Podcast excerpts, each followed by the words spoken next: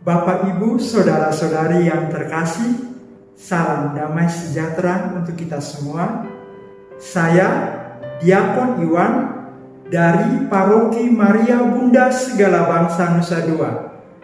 Pada kesempatan yang berahmat ini, kita akan mendengarkan bacaan suci dan renungan pada hari Senin 19 Juli 2021 Mari kita siapkan hati dan batin kita agar kita layak menerima santapan yang telah disajikan oleh Allah sendiri. Inilah Injil Yesus Kristus menurut Matius. Dimuliakanlah Tuhan.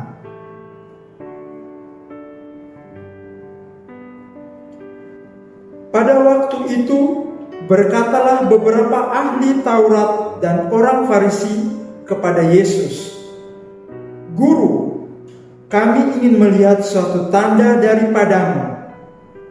Tetapi jawabnya kepada mereka, "Angkatan yang jahat dan tidak setia ini menuntut suatu tanda, tetapi kepada mereka tidak akan diberikan tanda selain tanda Nabi Yunus.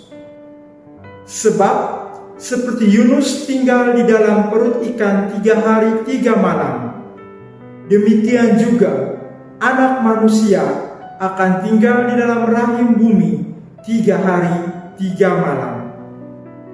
Pada waktu penghakiman, orang-orang Niniwe akan bangkit bersama angkatan ini dan menghukumnya juga Sebab orang-orang Niniwe itu bertobat setelah mendengar pemberitaan Yunus.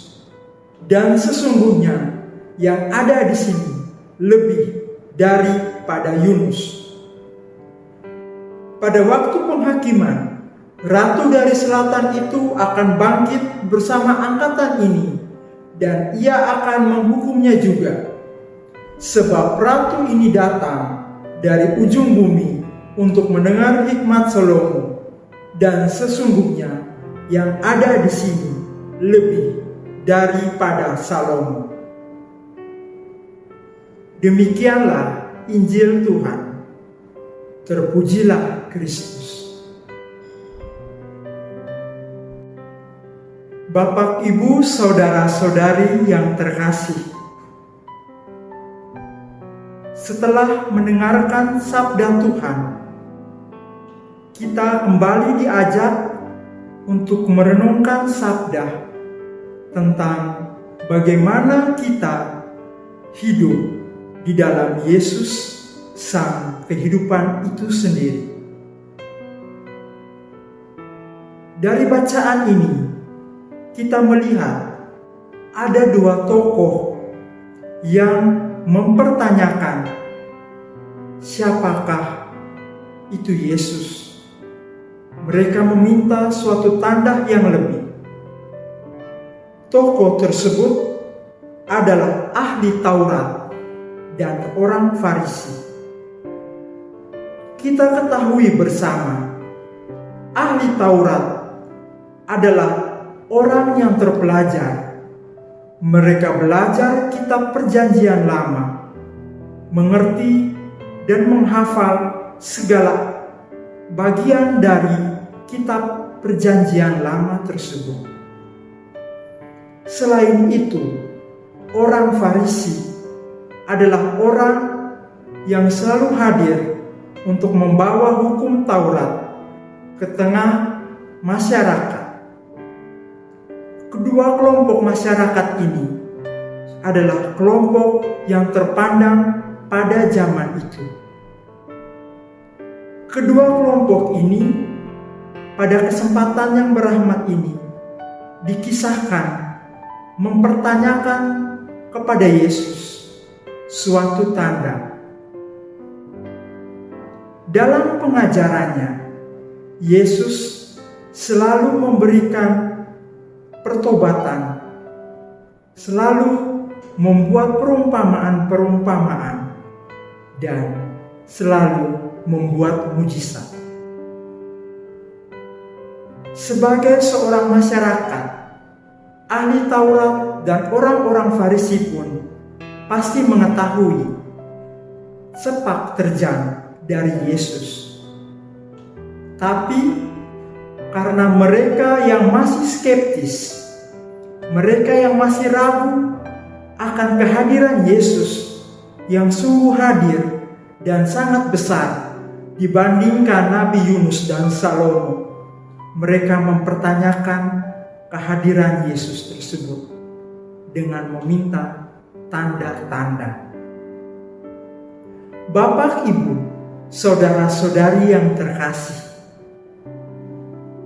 dalam kehidupan kita sehari-hari, kerap kali kita pun menjadi seperti kedua kelompok ini, yaitu sebagai seorang ahli Taurat dan orang Farisi.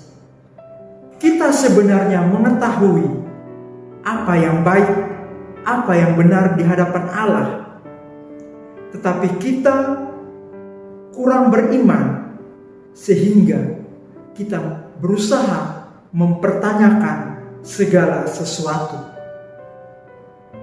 Yesus yang hadir dalam kehidupan kita sehari-hari.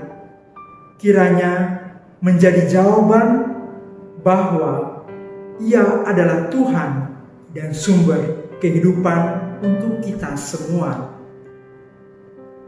Dalam pandemi COVID-19 yang masih merajalela, menjadi sebuah pertanyaan reflektif.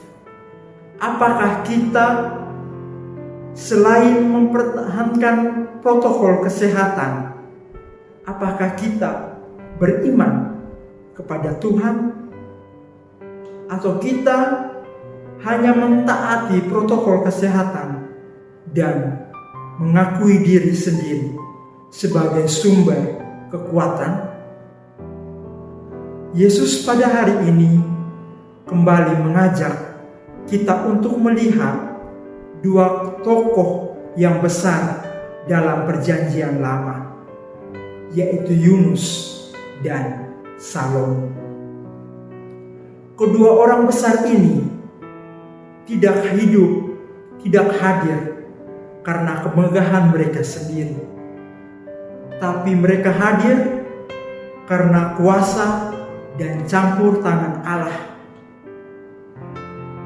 kita belajar dari kedua tokoh ini yang walaupun sudah sangat terkenal, mereka selalu menyerahkan hidup mereka kepada Allah. Sebagai seorang Katolik, terutama dalam masa pandemi ini, menjadi sebuah pertanyaan kembali. Apakah kita mau seperti Yunus dan Salomo yang dalam segala kemegahannya selalu menyerahkan segala hidupnya kepada Allah Sang Pencipta. Mungkin kerap kali kita masih ego terhadap diri kita masing-masing.